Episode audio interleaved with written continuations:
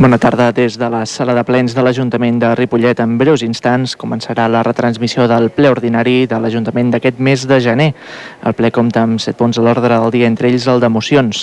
A més de l'aprovació de les actes anteriors i el despatx ofici es votarà, donar compte de l'aprovació del Pla Anual de Control Financer 2020, l'aprovació del projecte de renovació i millora lumínica i l'aprovació del projecte d'impermeabilització a l'edifici d'esports. A més a més, hi ha tres mocions presentades, una de conjunta de Decidim i el PSC, de rebuig a la supressió dels, dels jutjats de violència contra la dona, una darrera presentada per Ciutadans sobre la salvaguarda i defensa del Pardal i una presentada a última hora pel PSC sobre el servei d'ocupació. Recordem també que abans de l'inici d'aquest ple es guardarà un minut de silenci en memòria de Manuel Muñoz, qui va ser regidor del Partit Socialista durant 16 anys a aquest Ajuntament i que va morir a principis d'aquest mes de gener. Pren la paraula l'alcalde de Ripollet, José María Osuna. Bona tarda. Abans de començar aquest ple ordinari del mes de gener i tal i com s'ha acordat a Junta de Portaveus, realitzarem un minut de silenci en record al Manolo Muñoz, militant del PSC i regidor d'aquest Ajuntament entre els anys 1991 i 2007, entre els quals va tenir diverses competències de govern entre els que figuren més de forma més rellevant la de manteniment i obres públiques. Des d'aquí, des d'aquest ple, dels 21 regidors i regidores, transmetre les nostres condolències i el nostre escalf a la seva família. Procedim.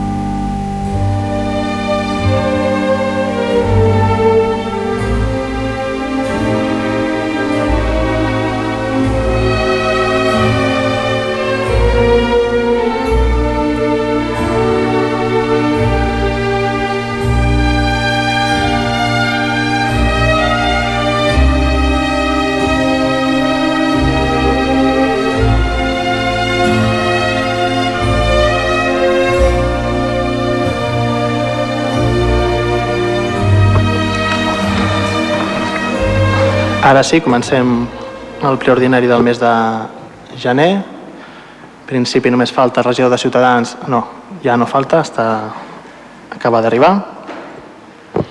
I per tant som els 21 regidors i regidores i comencem el ple. El primer punt relatiu a l'aprovació de les actes de les sessions anteriors, l'acte del ple ordinari del mes de desembre i l'acte del ple extraordinari urgent de fa just 7 dies. Les donem per aprovades. Si ningú té res a dir, queden aprovades. A despatx d'ofici donem compte de la resolució 2020-32 per la qual s'aprova la participació a l'Ajuntament en els programes singulars promogut pel Servei d'Ocupació a Catalunya, ha sol·licitat a través del Consell Comarcal. Donar compte de la resolució 2023 de la proposta de contractació personal temporal a la modalitat contractual eventual per circumstàncies de la producció el senyor Adrià Olmo, com a tècnic mig d'orientació i inserció laboral, per tal de cobrir permís de lactància. Donar compte de la resolució d'aprovació del Pla de Treball i sol·licitud de subvenció per l'import de 26.165,89 euros al Departament d'Empresa i Coneixement de la Generalitat a través de l'Ajuntament de Barberà del Vallès, entitat que lidera projecte conjunt entre Sant Quirze del Vallès, Castellà del Vallès i Ripollet, el programa integral de suport a les persones emprenedores, emmarcat en el programa Catalunya Emprèn Convocatòria 2020. Donem compte de l'expedient de modificació de crèdits 7-2019 del Patronat d'Ocupació tramitat per generació de crèdits per import de 9.390 euros. Donem compte de l'aprovació de la modificació de crèdits 18-2019 per transferència de crèdits i generació d'ingressos. Donem compte de la resolució 2019-1980 de 23 de desembre, nomenament temporal dels funcionaris interines administratives, la senyora Alicia Mata i Esther Acosta. Donem compte de la resolució 2019-1881, nomenament temporal de la funcionària interina per substitució baixa IT conserge, la senyora Guadalupe Segura. Donem compte, resolució 1991 2000, de 23 de desembre de 2019, expedient de modificació de crèdits 17-2019, modalitat generació d'ingressos i ampliació de crèdits. Donem compte de la resolució número 2020 per la que s'aprova l'expedient de modificació de crèdits 1-2020, modalitat generació d'ingressos i transferència de crèdits en els programes Metal Vallès, AODL1 i AODL2. Donem compte de la resolució número 1965-2019 d'aprovació definitiva de la dissolució del Patronat Municipal d'Esports. La següent és en el mateix concepte, però relatiu al Patronat Municipal de Cultura i la darrera d'aprovació definitiva de la dissolució del Patronat Municipal d'Ocupació. El tercer punt és un punt a part, però també és donem compte. En aquest cas, es dona compte de l'aprovació del Pla Anual de Control Financer 2020 és un pla elaborat per la intervenció municipal que es va explicar a la comissió informativa relatiu a controls periòdics anuals de les finances municipals per part de la intervenció que també hauran de ser remesos aquests informes al ple i que segons aquests resultats s'hauria d'elaborar un pla d'acció per tal d'esmenar deficiències que s'hagin pogut posar de manifest amb aquests controls. Ara passem als punts d'acord els dos punts d'acord que tenim avui són relatius a aprovació de projectes i abans de comentar-los, explicar-los eh, un i l'altre, eh, en primer lloc el que vull fer són unes consideracions prèvies pel que fa a aquests punts per tal d'explicar per què passen pel ple.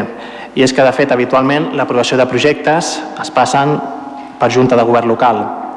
De fet, els projectes d'obres es poden aprovar per Junta de Govern local sempre i quan existeixi partida al pressupost d'inversions per tal de finançar-los.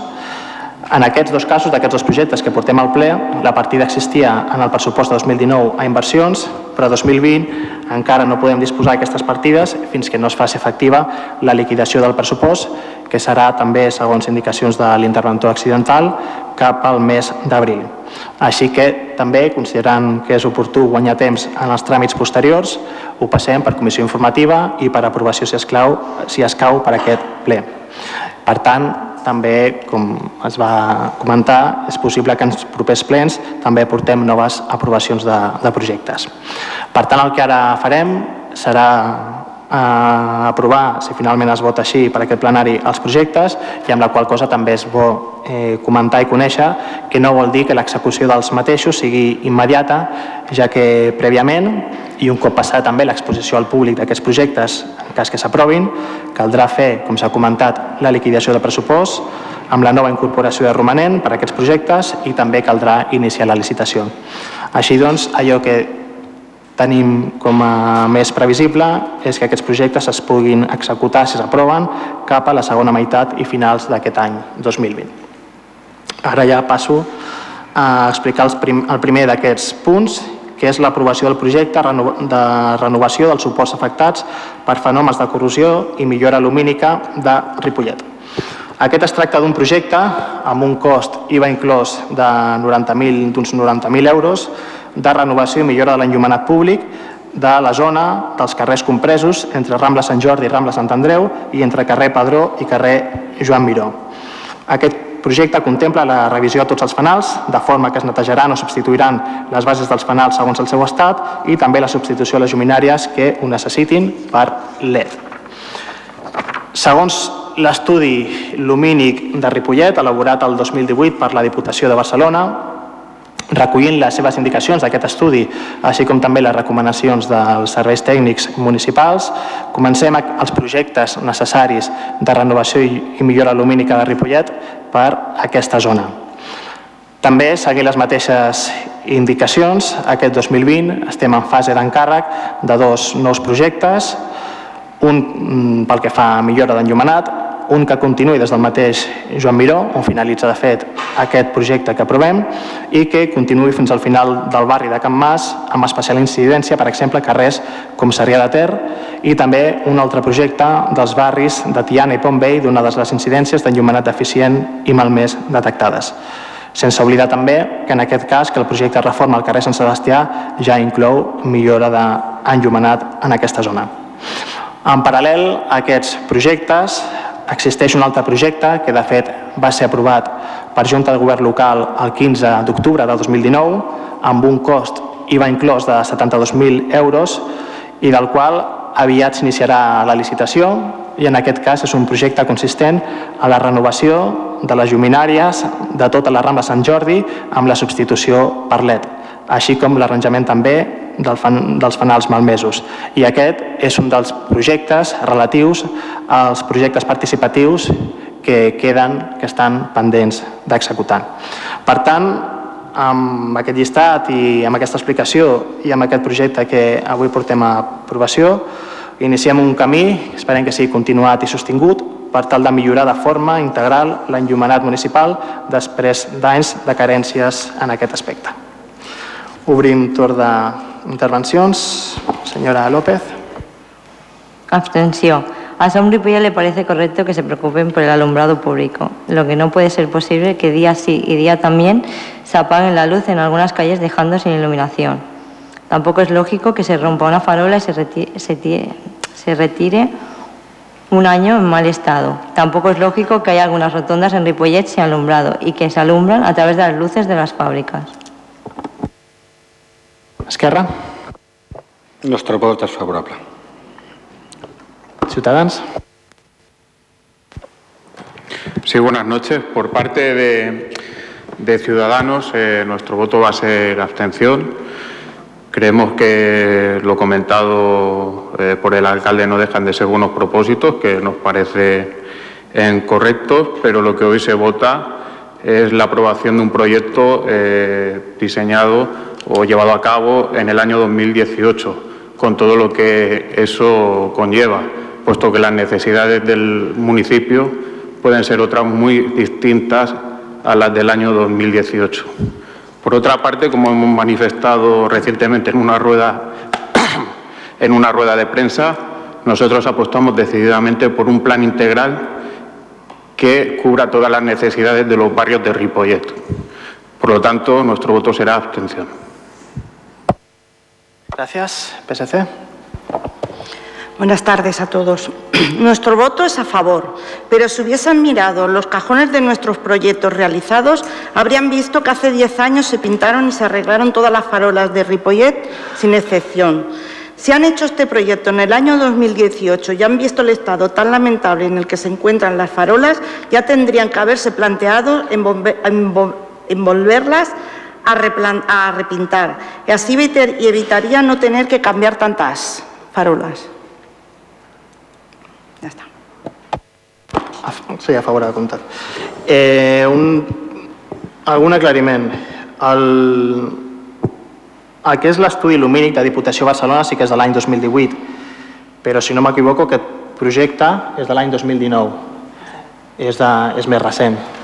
És de, primer es va fer l'estudi lumínic de tot el municipi i a partir de les necessitats d'aquest estudi lumínic i a partir de les incidències eh, que ens consta tant com a Ajuntament com a l'empresa concessionària l'Alumbrat, CECE, com aquelles deteccions que, hagi, que ha fet policia local, brigada municipal, etc., doncs es va creure més convenient, sense cap a priorisme, començar aquestes actuacions tan necessàries, coincideixo amb el que heu comentat la resta de portaveus, per aquesta zona motivada per motius més aviat tècnic i de necessitat tècnica més eh, perentòria.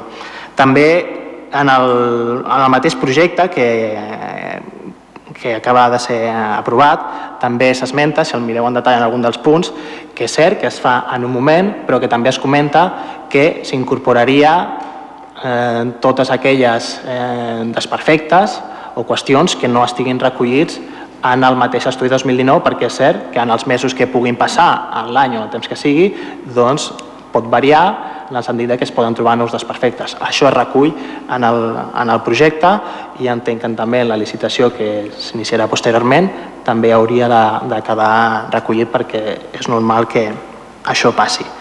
Bé, en tot cas, també em quedo amb, amb és cert, aquesta voluntat i necessitat de la totalitat del consistori de millorar l'enllumenat és una de les deficiències eh, més importants crec que tenim al nostre municipi pel que fa a, a la via pública, és una cosa de les evidents. És també cert que sovint en alguns llocs hi ha apagons, hi ha, hi ha fanals malmesos eh, i ens hem de posar des d'allà a fer una bona planificació amb aquests inputs de plans que hem comentat per començar a solventar aquests temes d'aquí al futur i esperem que al llarg d'aquest mandat es pugui aprovar més projectes fins a arribar al màxim del municipi possible. Si hi ha cap més intervenció? No? Doncs amb les abstencions de SOM i de Ciutadans i el vot favorable a la resta queda aprovat aquest projecte.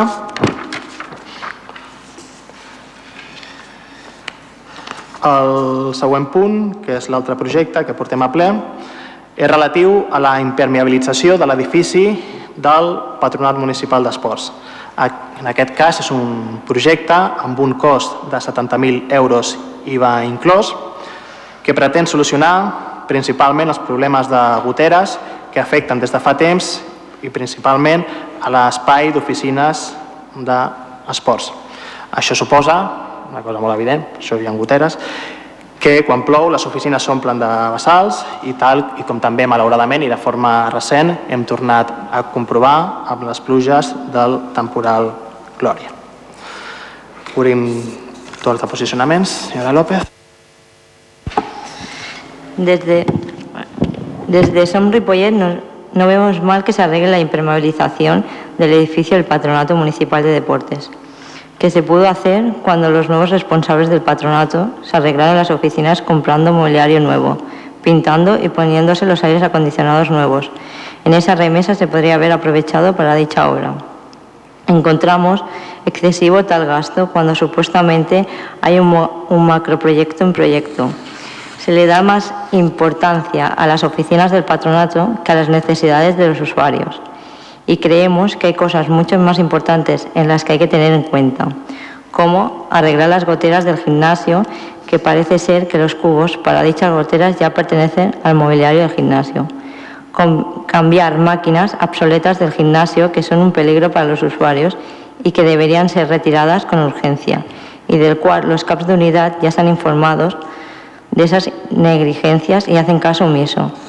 Arreglar o modificar los vestuarios de movilidad reducida, que después de varias reuniones con la regidor de movilidad sigue siendo un gran problema para los usuarios que lo utilizan, siendo un gran foco de problemas respiratorios debido a la gran cantidad de humedad que se genera en dichos vestuarios por la inexistencia de ventilación. También queremos hacer hincapié en que el personal laboral del patronato, técnicos deportivos, técnicos acuáticos y técnicos de sala llevan más de cuatro años trabajando sin que se les dé vestuario o uniforme adecuado a sus actividades. Creemos, por esta parte, que no está siendo equitativo y priorizan más las oficinas que los trabajadores de a pie. Por todo esto, nuestro voto será un no. Guerra. Favor. Ciutadans. Sí, buenas noches. De nuevo, para Ciudadanos el, polideportivo es un problema en el que hemos puesto el foco durante muchos años. Eh, desde nuestro punto de vista, Ripollet tiene un polideportivo, y supongo que también es consciente el equipo de gobierno, del año 1986. Tiene unas instalaciones propias de otro tiempo, donde Ripollet tenía otro número de habitantes y otro tipo de necesidades. Eh, nosotros creemos adecuado el hecho de velar por, por la tranquilidad eh, del día a día de los trabajadores del polideportivo. Faltaría menos. Vamos a votar a favor. Pero también pensamos que esto no deja de ser un parche. Y no deja de ser un parche porque lo que necesita el polideportivo de Ripollet es un proyecto y un proyecto que lleve unas reformas a fondo de lo que son las instalaciones. Eh, por todo ello, nuestro voto será a favor, pero eh, creemos que no deja de ser un parche y un parche bastante caro de 70.000 euros cuando lo que necesita el polideportivo es una inversión y una inversión eh, que cubra todas las necesidades, eh, que bueno, esto no deja de ser un parche. Gracias. PSC. A favor. Gràcies. Comentar també algunes qüestions que, que han sortit. Eh, en primer lloc, aquest projecte és un projecte tampoc no és que sigui recent. De fet, aquest projecte ve d'una licitació que també va quedar deserta fa uns quants mesos, si malament no recordo, cap a l'estiu, l'últim estiu o fins i tot abans de, de l'estiu. Va quedar deserta aquella licitació, es va haver de retocar el, el projecte i per tant ara el tornem a aprovar amb les modificacions oportunes per tal que es pugui eh, licitar i que es pugui arribar a executar. Jo crec que és bo explicar d'on venim. Per altra banda, s'ha comentat també la qüestió de la necessitat d'una reforma integral del poliesportiu, cosa que compartim plenament i cosa que estem treballant al respecte. Crec que la comissió informativa per part de la seva presidenta també es va informar al respecte. És cert, nosaltres estem treballant amb l'àrea metropolitana, com s'ha comentat en d'altres ocasions, en aquest ple i en d'altres espais, amb un pla director de reforma integral del poliesportiu municipal. I per tant, i tant que hem reflexionat si aquesta actuació calia fer-la o no calia fer-la. Els resultats de tot això és que d'aquest pla director que hi ha elaborat per part de l'àrea, les actuacions a les oficines d'esports, de, que és la part que ens correspon i la part d'aquest projecte, eh, s'encararien en la segona fase d'aquest pla director. I aquesta segona fase, doncs, sent optimista, començarien les obres d'aquí 4 o 5 anys i finalitzarien d'aquí 7 o 8 anys. I per tant, entenem que almenys, tot i que sigui aquest període de 4 o 5 anys, les eh, oficines, aquest espai, que no només és pels treballadors, sinó també és per les persones usuàries d'esports que van allà a ser ateses o a fer reunions, gent dels clubs a fer reunions amb el personal d'esports, de, doncs han d'estar en unes condicions mm, dignes, justes i suficients i per tant considerem que sí que és necessari poder fer aquesta actuació. I aprofito per dir que també el que esperem i amb un calendari inicial que també la mateixa AMB ens ha passat i que vetllarem per tal que eh, es compleixi, que en aquest mandat el que s'ha d'haver executat, esperem totalment, és la primera fase d'aquest pla director del qual esperem al llarg d'aquest 2020, que també és el compromís que va tenir la mateixa àrea metropolitana, de tenir el projecte eh, executiu enllestit i cap a finals d'any aprovat per iniciar la licitació d'aquestes obres.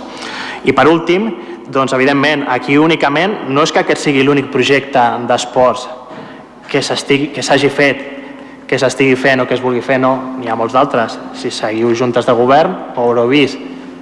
Si també es va fixar en el pressupost municipal que es va aprovar per l'any 2020, es va explicar que pel que feia inversions, tot i aquesta contenció que teníem, es volia actuar en qüestions educatives d'escoles, en el mercat municipal i en esports. I es va explicar, de fet, que a l'estiu el que es vol és actuar de forma contundent i urgent en qüestions com la que s'han comentat del gimnàs. Per tant, segurament, i com he comentat abans de presentar aquests dos punts, és molt probable, i de fet esperem que així sigui, que aquestes actuacions en espais com el gimnàs municipal es realitzin abans d'això, perquè per calendari així és com ho tenim previst. Per tal, no és cert que només ens fixem en això, sinó que ens fixem en això i en moltes altres coses. No sé si hi ha cap més intervenció que es vulgui fer per part d'algun grup. No? La regidora d'Esports vol comentar alguna cosa? No? Doncs, en tot cas, amb el vot contrari de SOM i el vot favorable de la resta, queda aprovat aquest punt i aquest projecte. Ara ja passem al punt de les mocions. Les dues primeres mocions de l'ordre del dia feia referència a la moció de rebuig a la supressió dels jutjats de violència contra la dona, presentades per una banda per PSC i per l'altra banda per Decidim. Abans d'ajuntar portaveus, per part dels dos grups proposants es va consensuar una proposta de moció PSC i Decidim, i que a la mateixa Junta de Portaveus la resta de grups municipals, SOM, Esquerra i Ciutadans, doncs s'hi han sumat i també figuren com a proposants de la moció. No obstant, i per deferència, com també així s'ha acordat en Junta de, de Portaveus, que ara cedeixo la paraula la regidora Sònia Martín del PSC per tal que la presenti. Hola, bona tarda.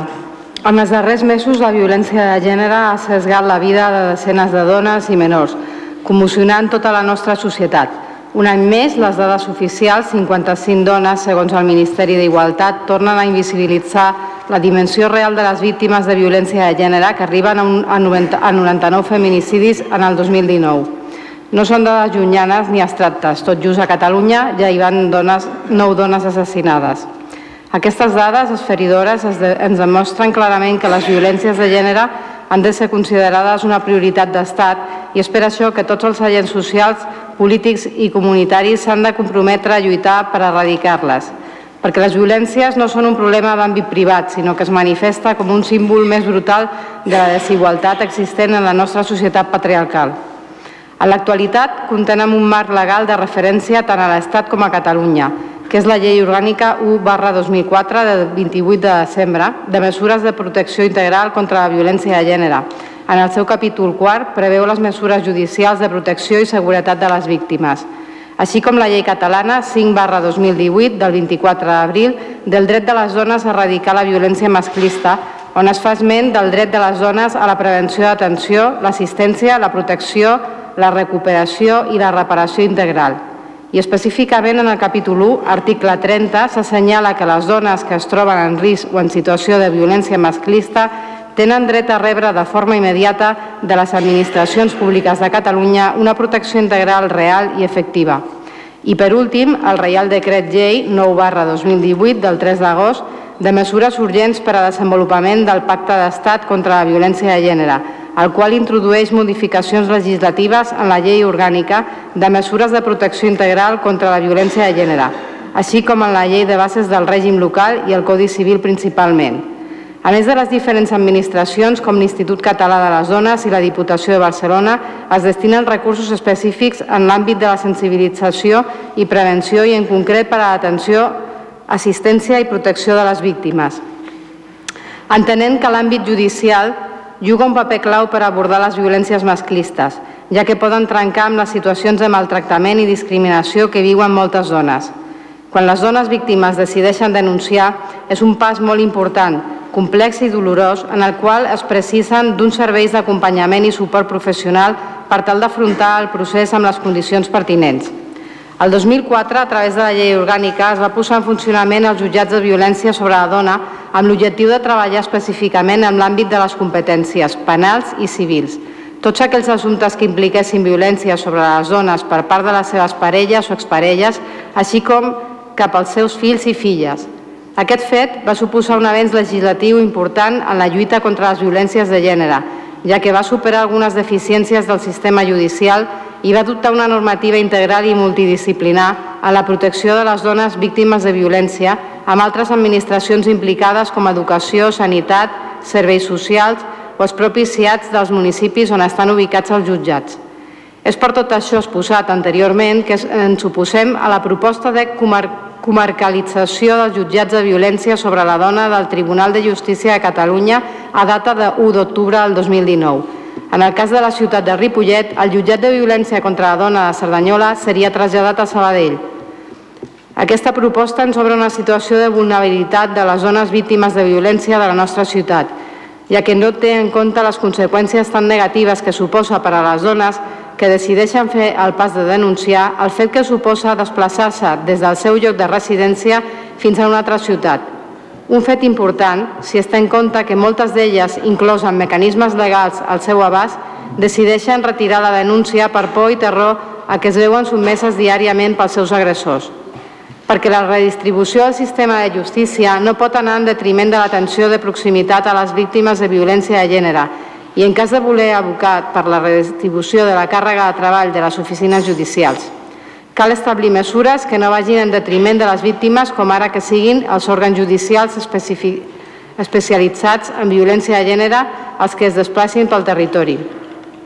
Davant d'una situació com l'actual, on són assassinades desenes de dones cada any al nostre país, els jutjats de violència de gènere no poden desaparèixer de la proximitat de les dones que més ho necessiten, la redistribució del sistema de justícia no pot anar en detriment de l'atenció la, de, de proximitat a les víctimes de violència masclista, sinó que han d'apostar perquè siguin els òrgans judicials especialitzats en violència de gènere aquell que es desplacin pel territori.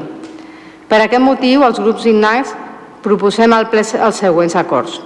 1. L'Ajuntament de Ripollet sol·licita al Ministeri de Justícia de l'Estat espanyol i la Conselleria de Justícia de la Generalitat de Catalunya la no suspensió i trasllat del jutjat de violència sobre la dona dels jutjats de Cerdanyola a un altre partit judicial tal com es proposa al document de comarcalització dels jutjats de violència sobre la dona del Tribunal de Justícia de Catalunya a data 1 d'octubre del 2019.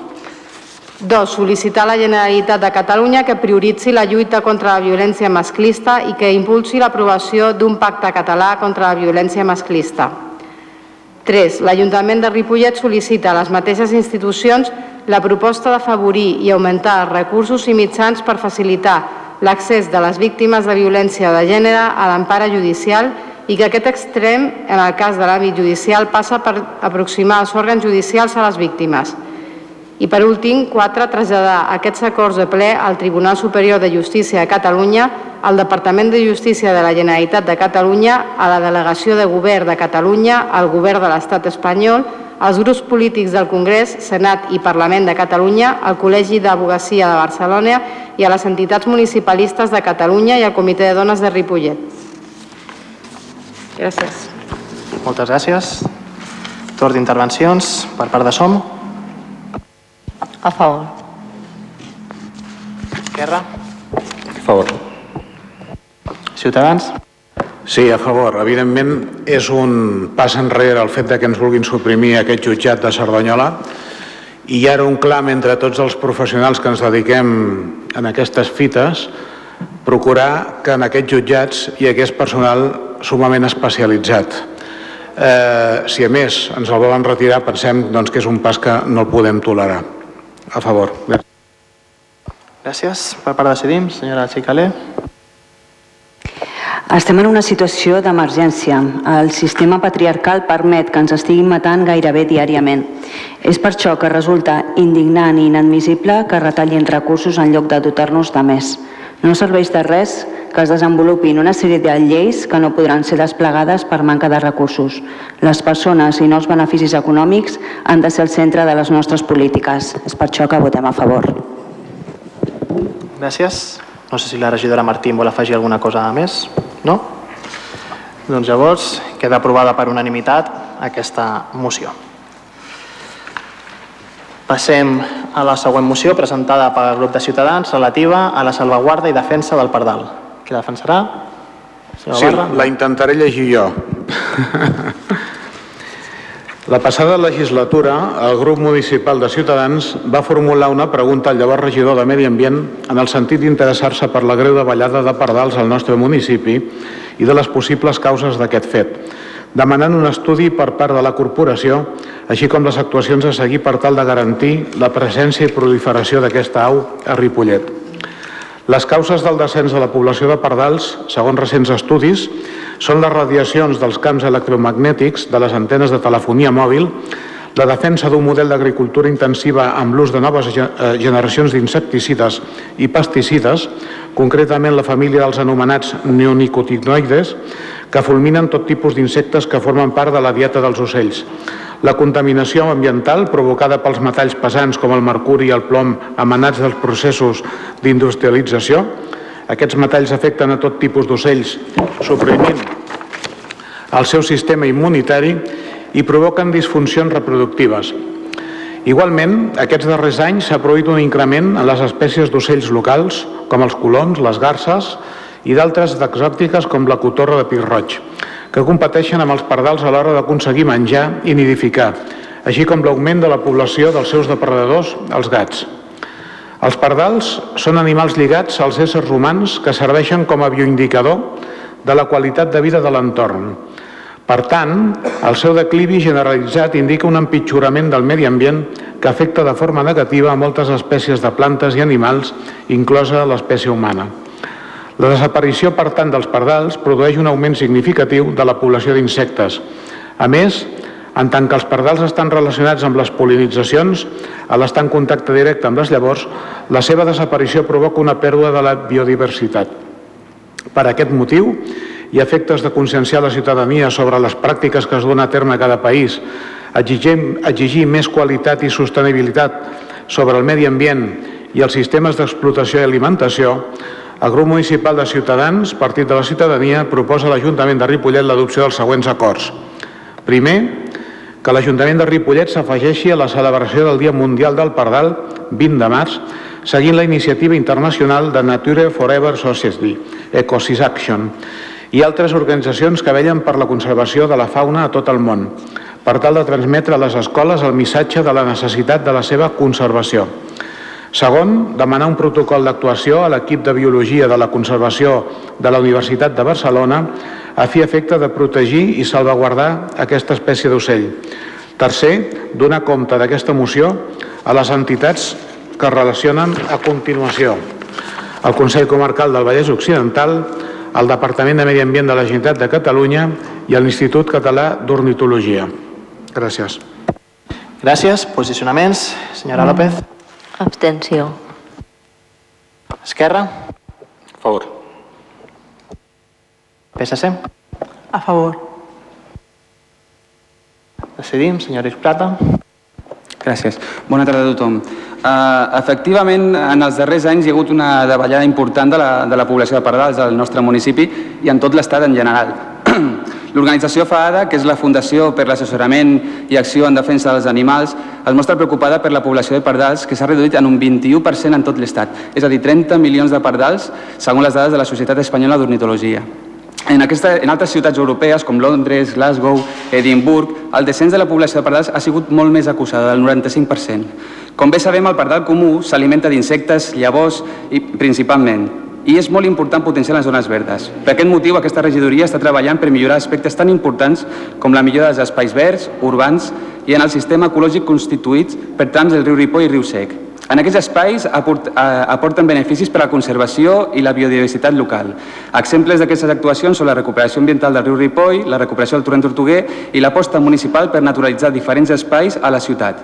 Tanmateix, seria interessant realitzar un estudi de seguiment mitjançant un procediment obert amb la participació de l'Institut Català d'Ornitologia, que disposa del programa seguiment d'aus, comunes en primavera. D'aquesta manera podem comparar els estudis anteriors, com ara el realitzat per Maria, Maria Guiardó el 2007, que analitza les espècies d'interès especial al terme municipal de Ripollet. Per aquests motius i els esmentats a la moció, el nostre vot serà favorable. Gràcies. No sé si el grup proposant vol afegir alguna qüestió. No? Doncs amb l'abstenció de SOM i el vot favorable a la resta, queda aprovada aquesta moció. Hi ha una altra moció que es proposa presentar d'urgència, presentada pel PSC, tal com s'ha comentat a, a la Junta Portaveus, una moció relativa a la defensa de la concertació territorial i de l'ocupació. Abans de res, votem la urgència per part de SOM, l'urgència. A favor. A favor. Esquerra, a favor. Ciutadans a favor. Doncs queda aprovada per unanimitat la urgència. I ara, en tot cas, aquí, senyor Molina, doncs endavant. Hola, bona tarda. Uh, aquesta moció és en defensa de la concentració uh, territorial de l'ocupació. La transformació del món laboral va a uns ritmes vertavillosos que produeixen grans desequilibris socials exigint de respostes urgents. Les noves relacions laborals, els avanços tecnològics i la configuració del mercat laboral aporten també noves oportunitats que exigeixen una actuació proactiva dels poders públics i la màxima col·laboració i cooperació entre ells. Les polítiques actives d'ocupació són i han de ser una eina que han de permetre arribar a la plena ocupació i de qualitat. Les polítiques actives dins de les polítiques d'ocupació juguen un rol determinat quan no es produeixen l'encaix entre l'oferta i la demanda de feina. En aquest sentit, l'article 170 de l'Estatut d'Autonomia de Catalunya reconeix a la Generalitat la competència executiva en matèria de treball i relacions laborals, que inclou, en tot cas, les polítiques actives d'ocupació, en la formació de les persones en demanda d'ocupació i dels treballadors en actiu i també de la gestió de les subvencions corresponents. Per altra banda, l'article 84 de l'Estatut d'Autonomia de Catalunya estableix les competències pròpies dels governs locals, entre les quals es troba la regulació de l'establiment d'autoritzacions i promocions de tota mena d'activitat econòmica, especialment les de caràcter comercial, artesanal, turística i foment de l'ocupació. Al llarg de més de 40 anys, les accions ocupacionals dels ajuntaments han, han esdevingut capdals en la garantia de la cohesió social, focalitzant el desenvolupament de la persona com a, eh, com a centre de les seves polítiques. Però la col·laboració, la cooperació i la concentració entre els diferents agents, Estat, Generalitat i governs locals, és bàsica en l'execució de les polítiques actives d'ocupació, com mostra la llarga trajectòria arreu del territori on els instruments com les mesures locals d'ocupació han incrementat, han incrementat l'efectivitat de les actuacions. En aquest sentit, el Govern de la Generalitat, a través de la Conselleria de Treball, Afers Socials i Famílies, ha emprès un camí de canvi radical en l'execució de polítiques públiques d'ocupació, tant en les formes com en el fons. La manca de diàleg sincer en l'elaboració del desplegament de la llei 13 barra 2015 de 9 de juliol d'ordenació del sistema d'ocupació i del Servei Públic d'Ocupació de Catalunya ha estat la tònica general en aquest procés. Petre, eh, petre, eh, pretendre aprovar una normativa d'aquest abast mitjançant decret excloent el necessari debat és voler donar l'esquena de nou al món municipal. A més, la manca de transparència genera la impossibilitat de previsió en la planificació i en la conseqüència i en conseqüència incertesa en els governs municipals.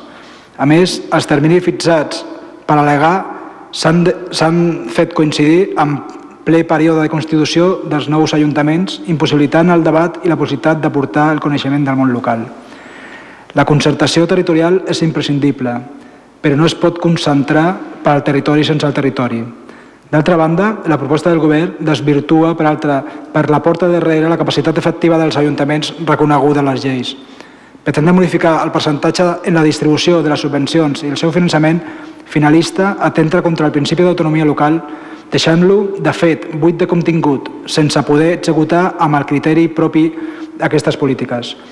Un gran nombre de municipis es veuran impossibilitats per fer front de subvencions plurianuals amb un percentatge, un percentatge del 30% del finançament contra els pressupostos propis. En conseqüència, fer caure al finançament local un major pes del finançament dels serveis públics de primera necessitat, en una major aportació de la mateixa, de la mateixa Generalitat en la competència executiva. Ofegarà més el finançament dels ajuntaments i suposarà, suposarà aleshores que els ciutadans i les ciutadanes no podran optar a aquests serveis que avui es permeten millorar amb el seu desenvolupament personal, social i familiar. Per tot esmentat, fins ara, el municipal socialista de l'Ajuntament de Ripollet presentem al ple per a la seva aprovació els següents, eh, els següents acords. Primer, demanar al Govern de la Generalitat la paralització de la tramitació del decret de desplegament de la llei 13 barra 2015 de 9 de juliol d'ordenació del sistema d'ocupació i del Servei Públic d'Ocupació de Catalunya.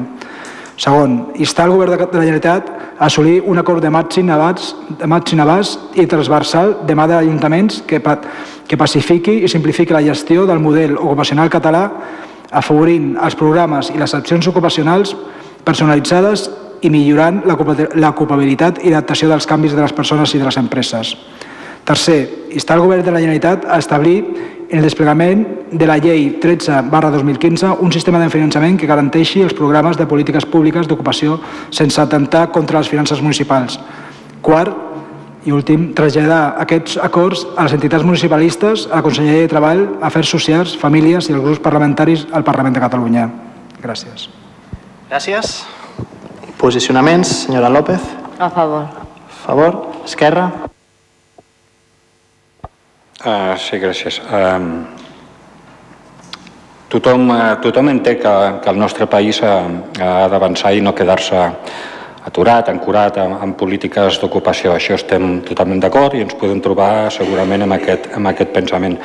Uh, però és inevitable que, que manifestem que, que estem en desacord amb les formes en les quals es demana la paralització i tramitació d'aquest decret i sóc tan breu com que dit això el nostre posicionament és no favorable. No favorable. Això vol dir abstenció o en contra? Contra. És per no fer interpretacions que després em digui que no s'ha fet correcte. Ciutadans? A favor. Per part decidim, senyora Meritxell Calé. El desplegament de la llei 13-2015 s'ha fet d'esquenes als municipis i dels àmbits territorials supramunicipals. La publicació de l'edicte es va fer el 14 de juny, moment en què s'estaven conformant els governs municipals i sense temps mm, marge per al·legacions, tancant-se d'aquesta manera a qualsevol debat. Un debat absolutament necessari, ja que som els municipis els que tenim el coneixement del teixit productiu, les seves demandes i les seves mancances i som els que atenem a les persones aturades i coneixem les seves situacions diàries, situacions sovint molt dures. Per aquests motius, és necessari paralitzar la tramitació del desplegament de la llei i assolir un acord amb ajuntaments per tal de desenvolupar a nivell local i territorial la definició d'estratègies basades en el coneixement territorial i enfocades a les necessitats de les persones.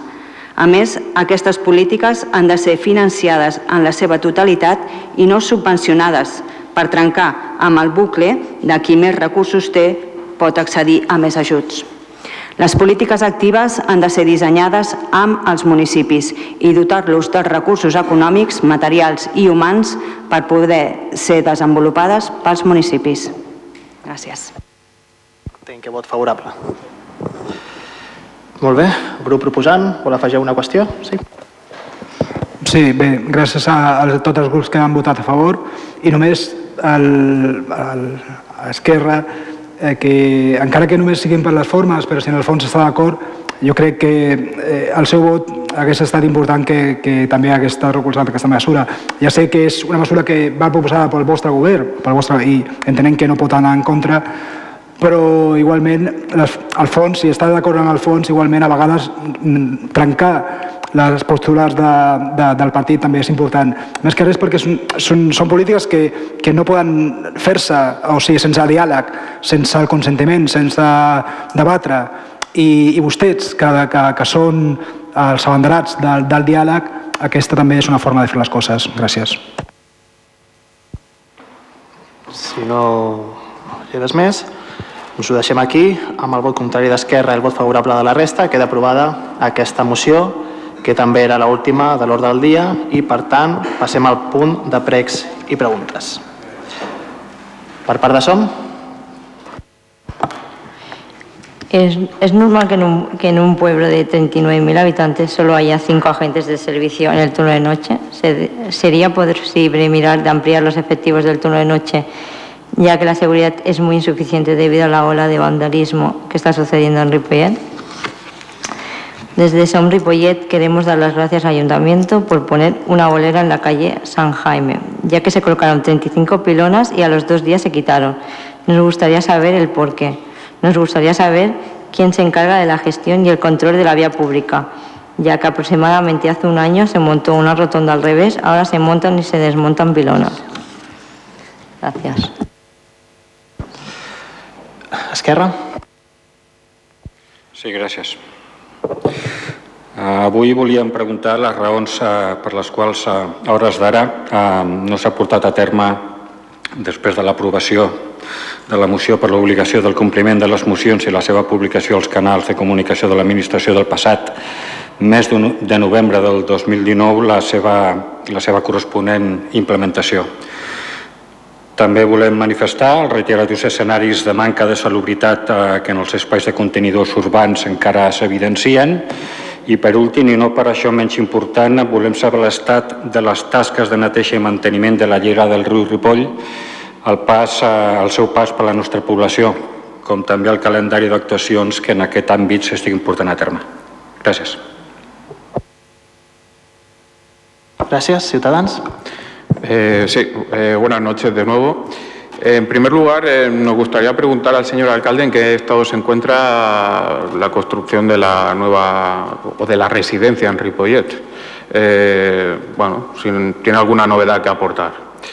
En segundo lugar, nos gustaría hacer un ruego a la, regidora de deportes. Este ruego va encaminado a que los futuros organismos que, se creen eh, estén representados los eh, trabajadores del polideportivo de, nuestro municipio. Sería eh, nuestro ruego.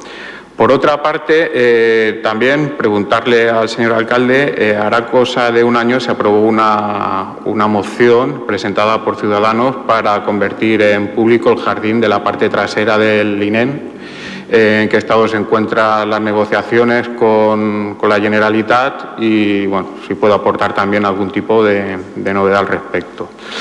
También en la anterior legislatura se comentó en alguna ocasión eh, si se iba a sacar a concurso público el kiosco que se encuentra en el Parque de las Moreras, eh, teniendo en cuenta que Ripollet tiene una tasa de desempleo nada despreciable, pues sería una oportunidad para, para crear empleo. Bueno, pues preguntarle en qué estado se encuentra eh, esa posible licitación de- del kiosco.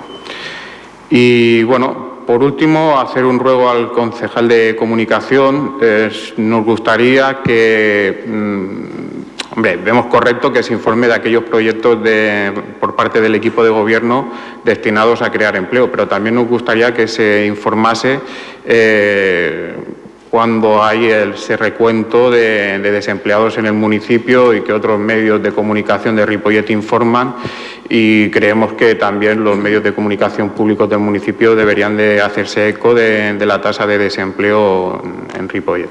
Gracias. De Ciutadans ningú més? No? PSC? ¿Aún no se han cobrado los recibos del mes de enero de los socios del PAME? ¿Me podrías decir si tienen algún problema en la gestión?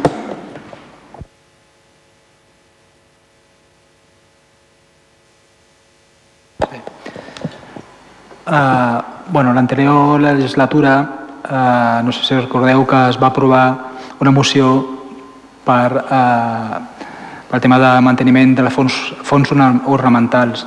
Uh, sé que ha passat una, una legislatura i les mocions no tenen obligació, en principi, de fer-se si s'han passat en una legislatura anterior, però eh, sobretot es va, es va dir que s'estaven fent estudis per tema de legionela i per tot el problema que, que pugui haver-hi. Però no penseu, l'equip de govern, que l'estat lamentable en el que es troben totes les fonts ornamentals del nostre poble no tenen més perill o posen en perill la, la situació la, de salubritat de, dels nostres ciutadans.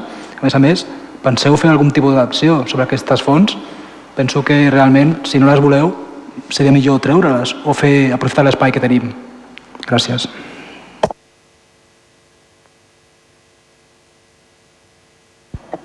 Hola, bona tarda.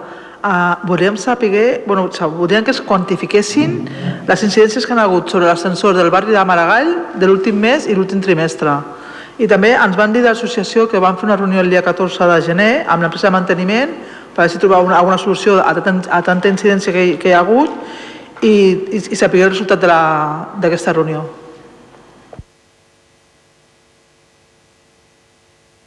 Sí, bona tarda. El siguiente.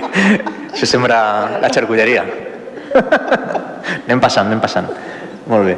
Eh, jo tinc dues preguntes i un, i un prec. Eh, les preguntes eh, són les següents. Eh, avui hem tingut oportunitat de veure la proposta de pressupostos de la Generalitat de Catalunya eh, que, que sortia publicada a la web de la Generalitat i voldria saber primer eh, que, què pensa l'Ajuntament de- d'aquesta proposta de pressupostos, a la qual no, no en fa referència, per exemple, a la residència. Voldria saber, voldria saber l'estat de, de les negociacions de la residència, si ja s'ha acabat l'estudi que estava fent que estava fent l'empresa encarregada de fer un estudi crec, per, per veure el model de gestió i, i veure si si s'ha avançat i si això com és que no, que no hi ha cap partida al pressupost de la Generalitat per la residència de Ripollet, que pensem que és un tema fonamental i que ja, ja fa molt de, molt, molts anys que anem darrere i que s'hauria de, de tirar endavant ja i que no hauríem d'esperar més, que s'hauria de, de demanar amb insistència i amb urgència.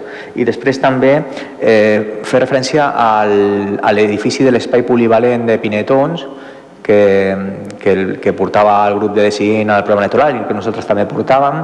Eh, darrerament no escoltem res sobre aquest tema, només que hem escoltat de l'Escola Pinetons que, que s'ha aprovat el pressupost de 150.000 euros per posar un, uns mòduls per aquest curs, per nou curs, per als nens que sortiran de sisè, perquè no tindran cabuda a l'edifici actual, sortiran 75 nens de l'Escola Pinetons, més 100 nens que ja hi ha, i amb l'edifici actual eh, no, no hi poden tenir cabuda i per tant hauran d'anar a mòduls.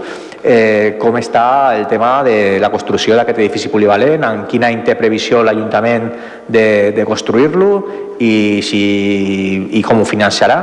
Ens agradaria saber això.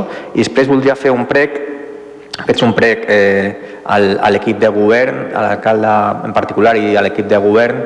Eh, avui hem fet un minut de silenci pel, pel regidor, pel company Manolo Muñoz, eh, que jo agraeixo molt, la veritat, que, que s'hagi pogut fer aquest reconeixement al, al regidor, que, que ens va deixar a principis de gener, però van trobar a faltar, de, suposo que l'Ajuntament té una partida de, per actes de representació, per protocol, eh, van trobar a faltar eh, al, al seu acomiadament que vingués alguna persona de l'equip de govern o el propi alcalde eh, acompanyar la família, acompanyar tota la gent que va estar allà, amb un regidor que ha estat 16 anys, o almenys que l'equip de govern o l'Ajuntament, en aquest cas, enviés a, a, simplement un ram de flors, una corona, com a agraïment als anys de servei prestats pel, pel, pel company Manolo Muñoz. Ho van trobar a faltar i ho vaig manifestar. Jo crec que, que això és una situació que ens ha de fer reflexionar per el futur, eh, de que no torni a passar, que aquestes coses han de tenir una sensibilitat especial i per altres ocasions jo prego que, que, que l'equip de govern actual que ho tingui en compte eh, perquè això sempre havia passat a Ripollet, eh, recordo perfectament eh, per exemple amb la, la senyora Guiu que governant el PSC es va tenir reconeixement i a tots els regidors que sempre havien sigut regidors i havien tingut un, havien, havien, havien tingut un èxitus, eh, sempre s'havia tingut un reconeixement d'aquest tipus i en aquesta ocasió no s'ha tingut i, i pregaria que, que no torni a passar. Gràcies. Molt bé. Regidor, regidores que vulguin contestar. Senyor Fran Sánchez. Sí, jo volia contestar a la senyora Meri en quant al, als diferents temes que has posat. Bueno, el regidor de Via Pública sóc jo, si preguntava això en primera instància. En segona instància em, em deia la bolera del carrer Sant Jaume, jo li explico que l'actuació que es va fer al carrer Sant Jaume va ser una actuació que precisament van proposar tant policia local com la brigada municipal degut a que des del que s'ha fet l'obra al, al carrer Sant Jaume els quatre vados que hi ha la part més del final del carrer aparquen cotxes d'acord? i llavors fan que moltes persones, encara que policia vagi passant i, i, i fins i tot multant perquè no es pot aparcar el cotxe allà, doncs hi ha un malestar gran al carrer perquè eh, troben que no és un lloc per aparcar quan, quan no és de, de la persona propietària del, del vado en qüestió Llavors, una vegada va fer aquesta actuació que diu vostè de, de bolera, de les pilones, es va veure que estèticament no quedava gaire bé i a més alguns veïns també van mostrar doncs, la, la seva queixa. En aquest moment el que s'està fent és, s'ha fet una reunió amb els veïns d'aquella zona del carrer Sant Jaume aquesta setmana, s'està valorant tant per part de policia com de la brigada municipal quines actuacions puguem fer per tal de que estèticament i sobretot a nivell, a nivell de mobilitat doncs, no afecti molt en aquesta qüestió. Eh, S'està també intentant parlar amb els propietaris d'aquests vados per veure quina solució podem donar a aquesta problemàtica. Després em comentava d'una rotonda al revés, jo crec que es refereix a la rotonda del carrer Indústria, que es, va, que es va instal·lar aquest any. Això va ser una empresa externa que es va equivocar i en el moment que li, que li van notificar van venir i ho van corregir el dia següent. I ja està, gràcies. Gràcies. Més regidors que vulguin comentar alguna cosa? Senyora Plata. Sí, gràcies. En resposta al grup d'Esquerra envers les actuacions del riu Ripoll, eh, dir que, bueno, que ara mateix estem a la primera fase, que està en marxa, s'ha fet la retirada de, de canya americana i s'està fent la naturalització de la zona. Més o menys són unes dues hectàrees. Tanmateix s'està fent la construcció del gual a, a l'altura d'on està el poliesportiu. Eh, les obres en un principi eh, acabarien a finals d'abril. S'ha demorat una mica a causa de, dels episodis de pluja que hem tingut per al ciclo Glòria Eh, però tot i així, eh, tot el, el projecte que tenim de, de recuperació de la llei del riu, convido al seu grup i a la resta de grups del consistori a que, a que puguem, puguem reunir-nos i així us explico amb més detall de tot el procés que seguirem en, en aquest sentit. Gràcies. Gràcies. Més qüestions? Sí. Endavant. Bona tarda. Contesto els dos pel tema de la residència. Ara estem acabant, bueno, l'empresa està acabant aquest informe de viabilitat econòmica. Precisament avui ha estat de les últimes sessions on ens ha presentat el 95% i també informar que dijous vinent aquest informe eh, ja hem quedat amb tècnics de la Generalitat per acabar de quadrar i dilluns, de, dia 10 de febrer, tenim reunió l'alcalde i jo per, amb el secretari, el senyor Iglesias, també per acabar de, de, de fer-ho tot més, més rodó. Alhora també s'està fent la creació del servei, vale? s'està treballant i suposo que passarà per ple, si no és al febrer serà al març i, de, i a partir d'aquesta aprovació de creació del servei cre, es crearà la comissió tècnica que, on tindrà cabuda les persones que ho desitgen per continuar treballant i començar amb el plec de plecs també. Vull dir que encara queda però anem fent.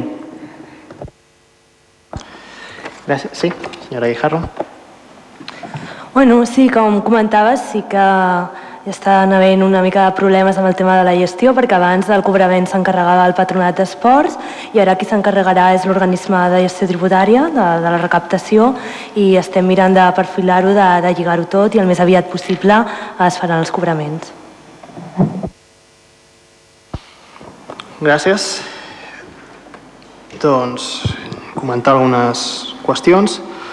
Pel que dèiem Esquerra, de la qüestió de les mocions, comentar que, de fet, em consta que des d'aquest mateix ple de, de gener, amb la convocatòria del ple, també es penja a la web municipal les mocions que, que es porten, si entreu a l'espai on surt la convocatòria hi ha adjuntes aquestes mocions, de la mateixa forma que també hi ha previst que un cop finalitzat el ple, quan també aparegui la publicació de la notícia corresponent dels acords aprovats per aquest ple, doncs també s'aprofitarà aquell espai per també adjuntar i penjar les mocions finalment aprovades.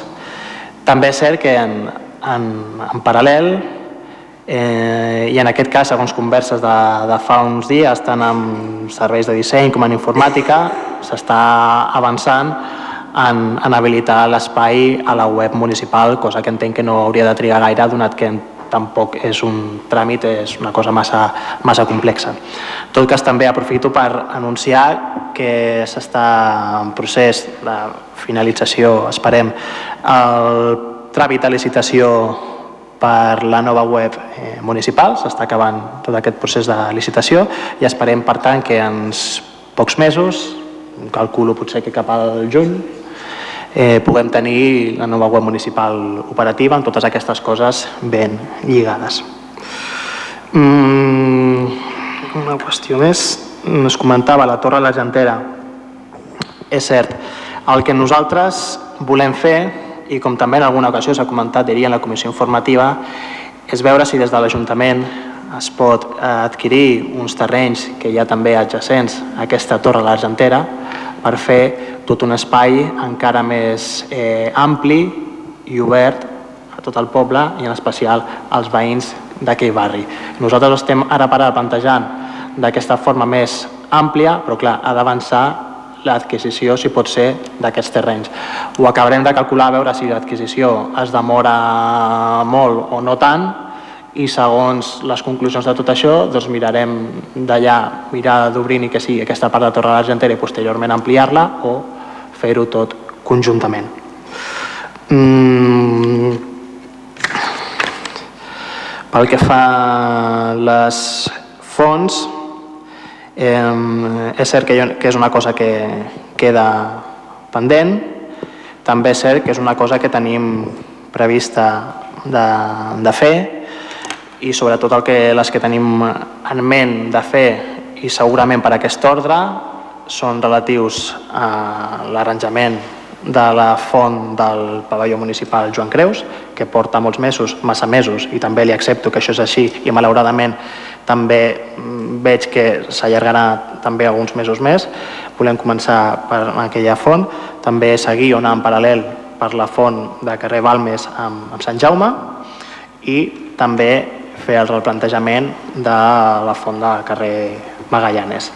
Cadascuna d'elles doncs, optarà per una solució diferent, veure en quins es pot conservar la qüestió més de, de, de l'aigua, de la font ornamental, i quines d'elles convé més eh, transformar-les en ornaments més, més florals. Tenim previst per fer-ho al llarg d'aquest mandat, sí que és cert que s'estan prioritzant d'altres projectes i qüestions, eh, però que en tot cas també s'hauran d'encarar.